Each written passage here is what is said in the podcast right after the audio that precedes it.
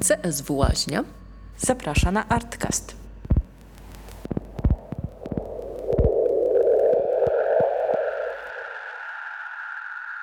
Dzisiaj naszym gościem jest Jakub Szczęsny. I może krótko przedstawimy naszego gościa. Architekt, autor instalacji, urodzony w 1973 roku, absolwent Politechniki Warszawskiej, zdobył popularność w 2012 roku, kiedy w wąskiej szczelinie pomiędzy blokiem a kamienicą na rogu warszawskich ulic Chłodnej i Żelaznej postawił dom Kereta. E, autor licznych projektów, instalacji czy wizji mniej lub bardziej utopijnych, ale zawsze pobudzających do debaty na temat miejskich przestrzeni. Ciekawe i to są popularność też, wow.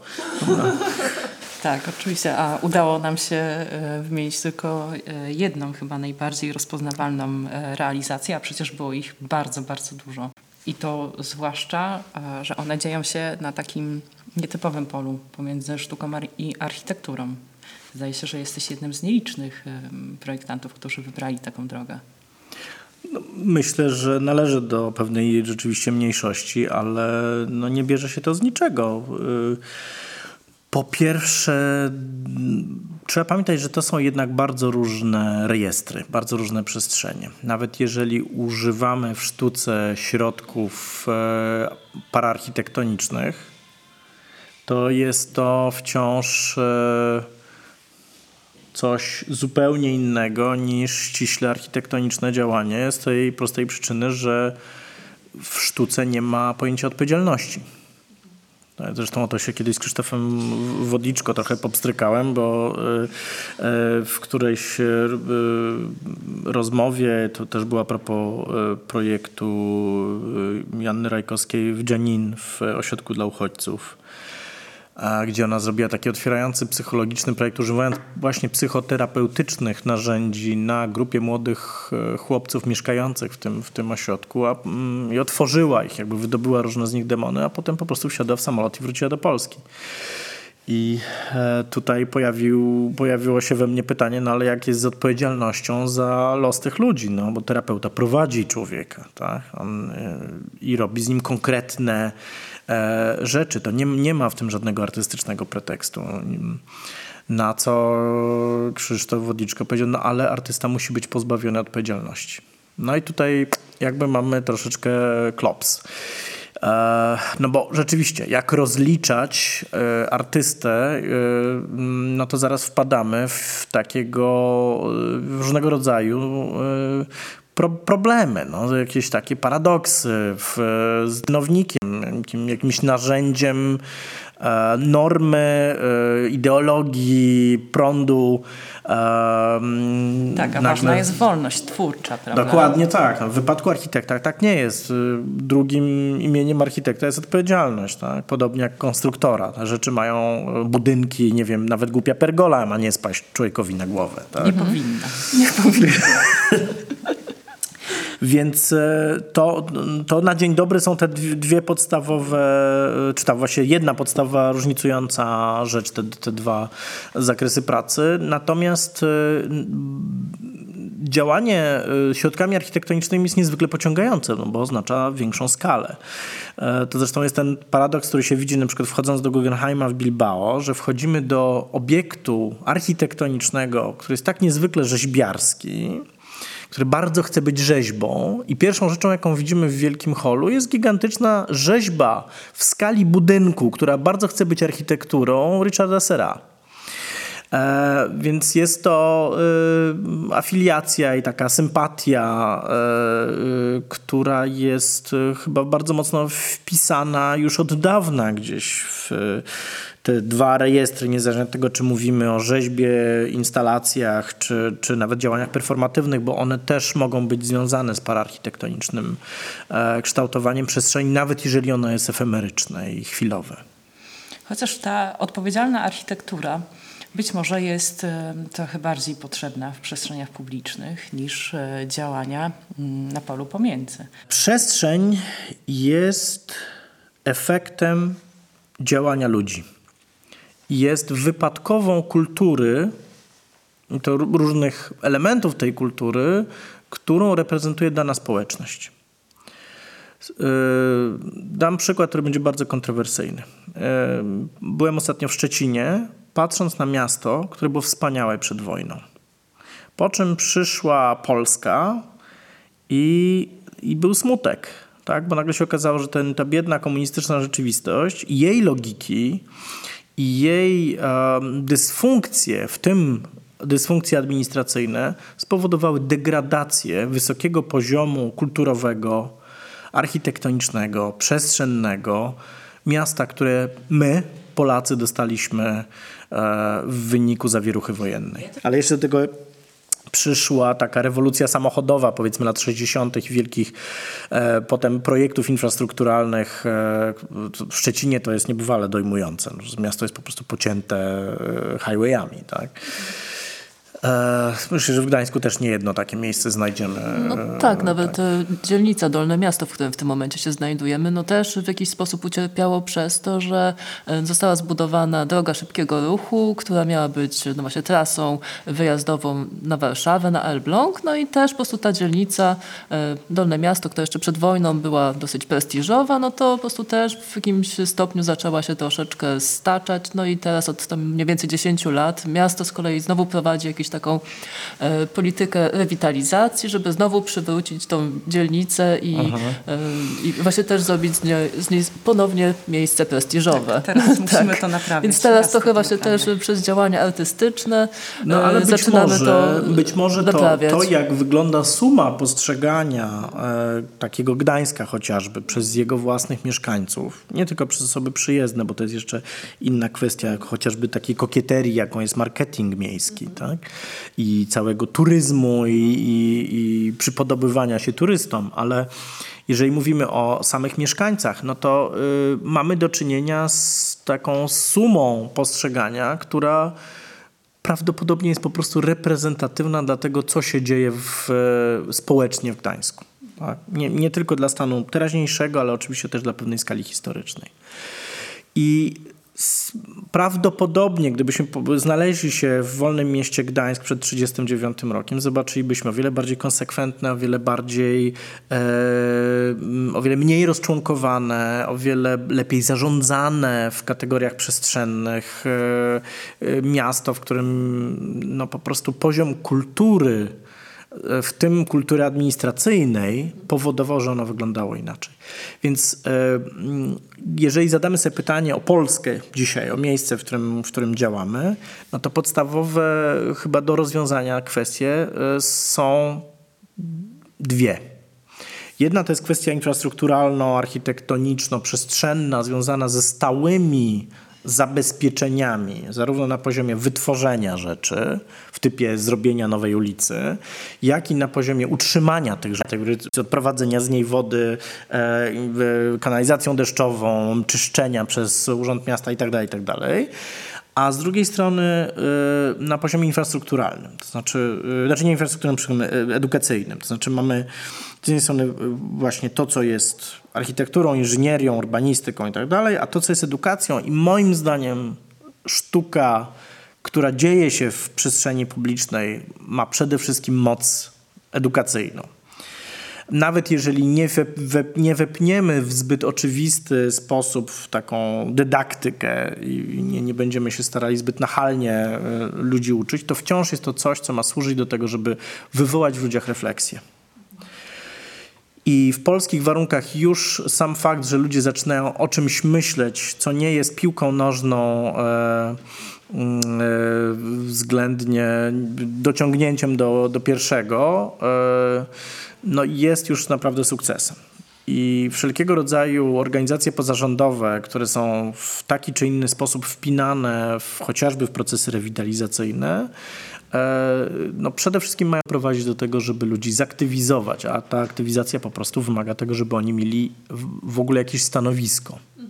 Niezależnie od tego, czy to będzie stanowisko konfliktowe jeden wobec drugiego, czy będzie to e, prowadzenie do jakiegoś konsensusu, no bo czasami na tym konflikcie e, można zbudować konsensus, bo ktoś się w końcu w ogóle za czymś opowiedział. Mhm. Tak? I taka praca była wykonywana w Polsce od powiedzmy dobrych 20 lat przez organizacje pozarządowe, które między innymi doprowadziły do radykalnej zmiany w postrzeganiu sprawczości, ich własnej sprawczości przez mieszkańców. Kiedyś, e, powiedzmy w latach 90., jeżeli wywołano mieszkańców na przykład na oglądanie wyłożonego planu miejscowego, to większość e, absolutnie to ignorowała, ponieważ miała wrażenie, że nie ma żadnego wpływu na rzeczywistość. Spadkiem po komunie było to, że po prostu ludzie nie myśleli, że w ogóle coś mogą. Tak? Tymczasem w miarę upływu czasu e, okazało się, że ludzie są w stanie jakby skleić siebie i swoją wolę, i swoje możliwości, swoje własności, swoje plany, wyobrażenia o przyszłości z dokumentem, który był ekspresją polityki przestrzennej dzielnicy, miasta itd. Tak I nagle oni na tych wyłożeniach planu się pojawiają, zabierają aktywnie głos, czasem irracjonalnie, czasem e, strasznie w sposób spokusowany na ich własnym personalnym interesie. E, czasami to są też organizacje mieszkańców, co jest też e, chyba znaczące, że weszliśmy już w taki etap, w którym dochodzi do pewnej komunitarności. Ludzie się zaczęli po prostu współorganizować. E, I bardzo często te same organizacje, które doprowadziły do tej zmiany, przeprowadzały procesy przy pomocy artystów i architektów, no bo oni byli tymi otwieraczami, e, którzy pomagali w, w wyciągnięciu z ludzi różnych rzeczy, ale w przeciwieństwie do projektów Jenin, oni potem nie, nie wsiadali do, do samolotu i nie uciekali. E, byli zazwyczaj pod ręką, zazwyczaj były to również postaci lokalne. No i przede wszystkim był ten lokalny agent w postaci organizacji pozarządowej, która jest wpięta w lokalność. Ona, żeby mieć jakikolwiek sukces w działaniu, musi być w cudzysłowie stąd. Mhm. Właśnie i tutaj może y, też y, poprosiłybyśmy Ciebie, żebyś opowiedział trochę więcej o Twoim projekcie Przestrzeń, która właściwie no, stwarza tą taką platformę, czy, czy, czy właśnie przestrzeń dla, dla spotkań, integracji y, społeczności lokalnych i NGO-sów między innymi. Właśnie y, jak do tego doszło i jak to rzeczywiście zafunkcjonowało? E, to mniej więcej wyglądało tak, że mm, organizacja, e, czy właściwie wydział e, CSR-u w, w ramach kompanii piwowarskiej zajmującej się tematem Lexstarter Zgłosił się do mnie, żeby zaproponować instalację artystyczną mm, dla mm, lokalnych grup mieszkańców, która mogłaby być powtarzana w iluś lokalizacjach. Ja zapytałem po co, tak? do czego to miałoby służyć. E, no i tak, tak zaczęliśmy rozmowę, która skończyła się e, dojściem do, do wniosków wspólnie, że przede wszystkim, e, żeby działania, które, na których oni kapitalizują już od iluś lat, to chyba była piąta edycja, żeby one miały sens, to przede wszystkim trzeba pomagać organizacjom pozarządowym w sposób liniowy. To znaczy dać im budżet na funkcjonowanie, e, które będzie nie rocznym, ale powiedzmy dwuletnim przynajmniej funkcjonowaniem. To po pierwsze, a po drugie e, dać im infrastrukturę, w której mogą funkcjonować. Temat y, y, czasu i pieniądza to jest jedna rzecz, a przestrzeń to jest druga rzecz i to, te rzeczy muszą być razem spięte. No i teraz przestrzeń musiała być y, taką formą infrastruktury, która a, nie wymagała pozwolenia na budowę, w związku z tym nie jest na stałe związana z gruntem, nie jest kubaturowa, nie jest ogrzewana i tak dalej, i tak dalej. A z drugiej strony jest formą platformy, na której można zrobić bardzo różne rzeczy. Czyli organizacje, które wygrałyby konkurs jakim jest Lechstarter, no bo Lechstarter jest w sumie dorocznym konkursem, dostałyby e, narzędzie i pieniądze na funkcjonowanie tego narzędzia na dwa lata. I w ten sposób e, powstał pomysł na modularny system przestrzeni takich platform, które e, nie tylko pozwalają na to, żeby nie brodzić w błocie, powiedzmy na środku trawnika w Kielcach, Rzeszowie czy Szczecinie, akurat te trzy miasta wygrały konkurs, czy organizacje z tych trzech miast, ale też na to, żeby te organizacje mogły sobie dobrać, myśmy zaproponowali kilka konfiguracji, dobrać taką konfigurację, którą uznają za najbardziej sensowną pod ich potrzeby. Do tego były wpinane takie elementy jak ławki, tablice, hamaki, projektory itd. Słowem, zrobiliśmy y, maszynę, która, która miała po prostu pomóc ludziom robić różne aktywności w miastach y, mniejszych niż te y, klasy A, nazwijmy to, największe lokalizacje w Polsce, i to się chyba udało. Oczywiście to jest inna historia, kiedy mamy do czynienia z niemałym budżetem e, mm, takiego no, społecznie uwrażliwionego podmiotu, korporacji, jaką jest kompania piwowarska, a inaczej to wygląda wtedy, kiedy mamy do czynienia z e, różnymi często. Mm, skonfliktowanymi frakcjami, na przykład w Urzędzie Miasta, tak, który musi wytworzyć jakąś politykę kulturalną na najbliższy czas, a jeszcze do tego zrobić ją tanio, bo e, samorządom się dostaje coraz więcej różnych obligacji i zobowiązań z rządu centralnego, który chce je po prostu wykończyć, w związku z tym ta kultura, w tej kulturze tych pieniędzy jest z roku na rok mniej. Mnie najbardziej interesują e, mm, silne oddziaływania na ludzi to nie jest tak, że mam jakąś obsesję taką, nie wiem, bycia reżyserem partajtagów, e, jak PM Bardi robił takie partajtagi, odpowiedniki partajtagów dla, dla Mussoliniego. Mm, to zresztą bardzo ciekawa biografia, e, polecam e, przeczytać żywot PM Bardiego, ale mm, bardzo mnie cieszy sytuacja, w której widzę odzew ludzi, którzy potem przychodzą i mówią, a to mi dało do myślenia, tak? albo to coś we mnie poruszyło. To, to jest taki twój ulubiony projekt, który wywołał coś takiego? Chyba kilka mam takich, ale y, jednym z najsilniejszych był pcieciąg, czyli przeciąg po prostu, ale y, w wersji hebrajskiej to będzie pcieciąg. E, w Izraelu, w Tel Awiwie i w Jaffie to była maszyna do odtwarzania polskiej zimy stulecia, czyli e, Sylwester 79 roku, kiedy temperatury spadły w ciągu bodajże 4 godzin o 20 stopni, całkowicie paraliżując infrastrukturę. Jednocześnie był gigantyczny opad śniegu. Nie wiem, czy pamiętacie w ogóle ten moment. Miałam wtedy roczek, ale pamiętam, rodzice wspominali, jak gdzieś akurat jadąc do e, rodziny na święta, e, właśnie utknęli w jakiejś tam gigantycznej zaspie, właśnie z malutkim dzieckiem, właśnie w, w samochodzie. W maluchu. Tak, w maluchu, dokładnie. Tak. było to dosyć traumatyczne i ten. I, no i więc ja myślę, że wielu Polaków to tak. pamięta jako taki no. moment, zresztą mówi się, że to była taka zima, która, która zaczęła proces rozpadu E, komuny, po prostu budując gigantyczną, masową frustrację u ludzi, którzy wcześniej nie byli tak zaktywizowani e, w ogóle jakiejkolwiek e, refleksji na temat tego systemu. No i zrobiliśmy takie urządzenie, które nazwaliśmy sensoramą, które po prostu oddziaływuje na różne zakresy.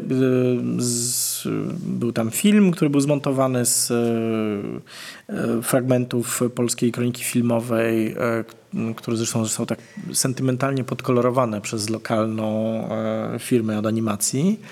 Zresztą, która robiła też Walt z Bashirem, taki dosyć znany film. Mhm.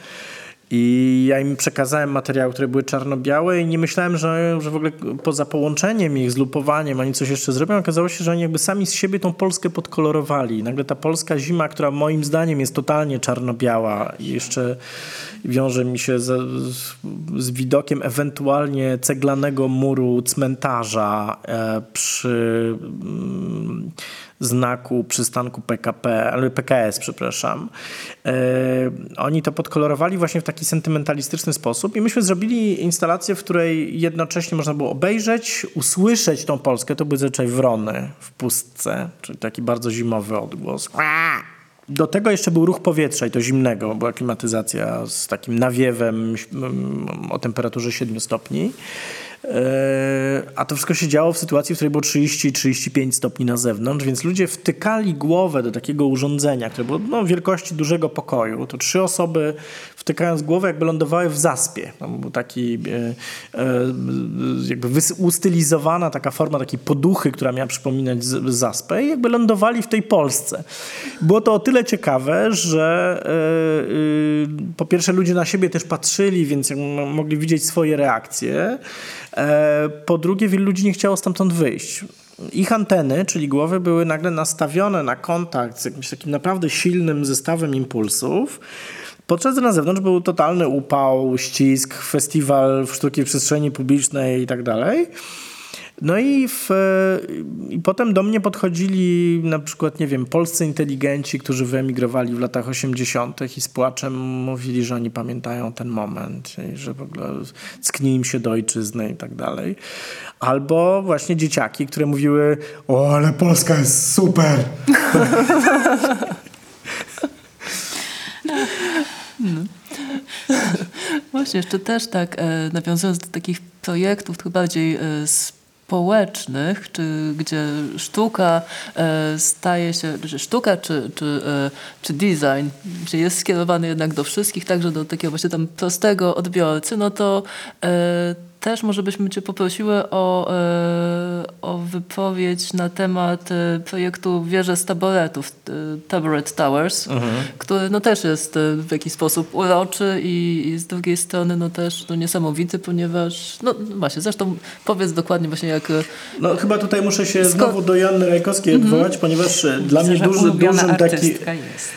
Nie, no w ogóle ja bardzo cenię jej sztukę. Znaczy z, do, dotleniacz był dla mnie totalnym w ogóle z jakimś takim otwieraczem mózgu. I jeszcze jak tak. zobaczyłem, jak on bardzo rozbrajał konflikt wokół, wokół tego placyku grzybowskiego, e, to, to No i był... też wpłynął potem, prawda, na tą ostateczną realizację. Tak, Jednak. jakby, jak, no w ogóle te podjęcie jakiegoś kierunku. E, więc wydaje mi się, że to jest w ogóle to jest nie, nie, niebywale ważna, jakiś taki kamień milowy. Podobnie zresztą jak Palma. Oczywiście Palma jest e, prost, prostszym działaniem, ale też łączy się z tym shiftem. Takim, tak? Tak. Mm, I e, w wypadku Taburety Towers e, e, dla mnie punktem odniesienia są takie rzeczy, które powodują jakiś shift i właśnie Joanny rzeczy, ale też Althammera. No, no, mamy, mamy trochę takich przykładów. Tak? Willem Dafoe chodzący po ulicach Pragi, robiący wrażenie, że jest w filmie. Tak? E, Akurat tutaj chodziło o to, żeby doprowadzić bardzo prostym zabiegiem do e, wykazania, że e, mm, to nie jest obcy artefakt. To nie jest jakiś obiekt w przestrzeni, który można sobie obejrzeć i powiedzieć ładne, brzydkie, ale jest to coś obcego, luksusowego, należącego do jakiegoś obiegu pieniądza w obcym dla zwykłego zjadacza chleba świecie sztuki że zaraz jakiś milioner to kupi i będzie miał to u siebie w, w, w ogrodzie z widokiem na Morze Śródziemne w Anconie. Tak? W związku z tym Taburety Towers e, miało być rzeczą, która trafi do ludzi. I to trafi nie tylko e, w kategorii tego, czym jest, ale w kategorii ściśle fizycznych obiektów, ponieważ składając się z małych e, e, takich piksli, modułów, które okazywały się potem taboretami, e, ten obiekt, który miał tam, nie wiem, 6 metrów wysokości, w, najpierw na Festiwalu Sztuki i Architektury Przestrzeni Publicznej w Logronie, a potem w ramach Bengaluru by Design w Bangalore w Indiach, ten obiekt po prostu po trzech, czterech dniach bycia w skali urbanistycznej artefaktem na zamknięciu jakiejś ulicy, na osi, e, nagle był dystrybuowany do ludzi. Czyli ludzie mogli się zapisać, stanąć w kolejce i dostać po prostu kawałek instalacji, pójść z nią do domu. I mieć w domu kawałek, nie wiem, sztuki, architektury albo po prostu designu, mieć kawałek e, taboretu, na którym mogą usiąść albo, nie wiem, postawić kwiatek, tak? E, albo ich kotek może tam leżeć. Tak?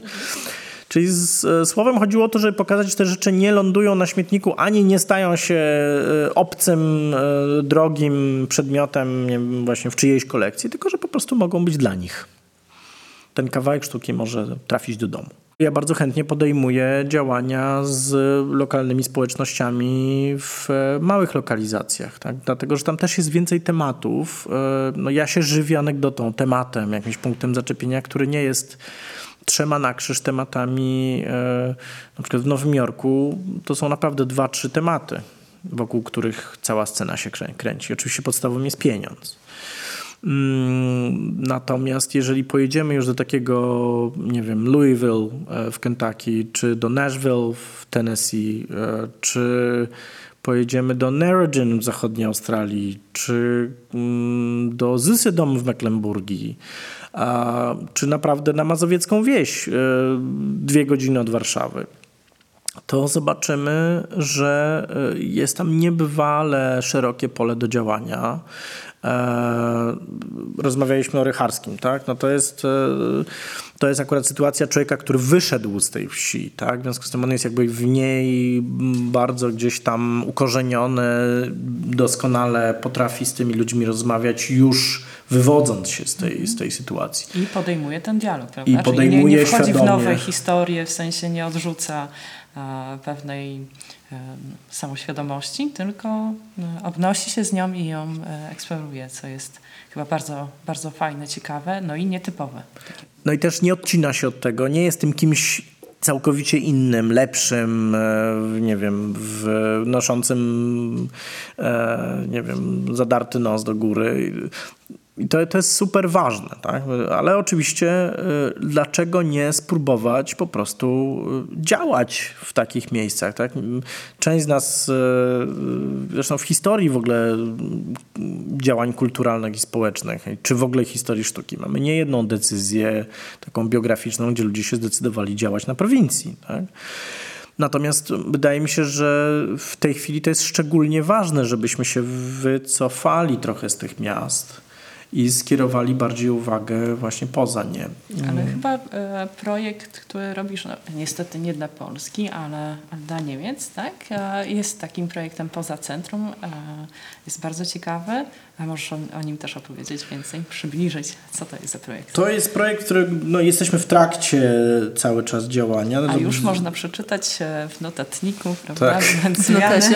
tak, w notesie. To jest projekt społeczny, który ma no, takim podstawowym jego narzędziem jest architektura, ale też design. Robimy zarówno budynek na bazie byłej nerdowskiej szkoły z prefabrykatów, którą częściowo rozbieramy i nakrywamy drewnianym, takim dosyć fantazyjnym dachem, zalewając resztę tej szkoły wodą.